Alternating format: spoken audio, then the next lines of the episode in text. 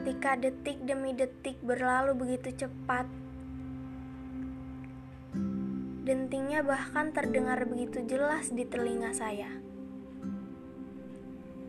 Karena jam dinding yang berwarna hijau di ruangan ini masih berfungsi dengan baik.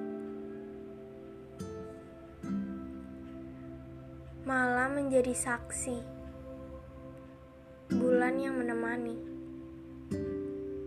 di mana seorang gadis, saya, menyuarakan isi hati dan pikiran.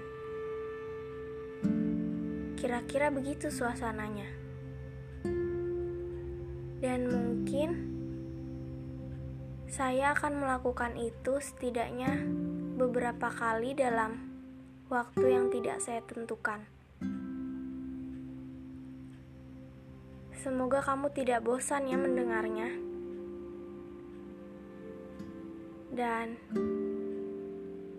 terima kasih.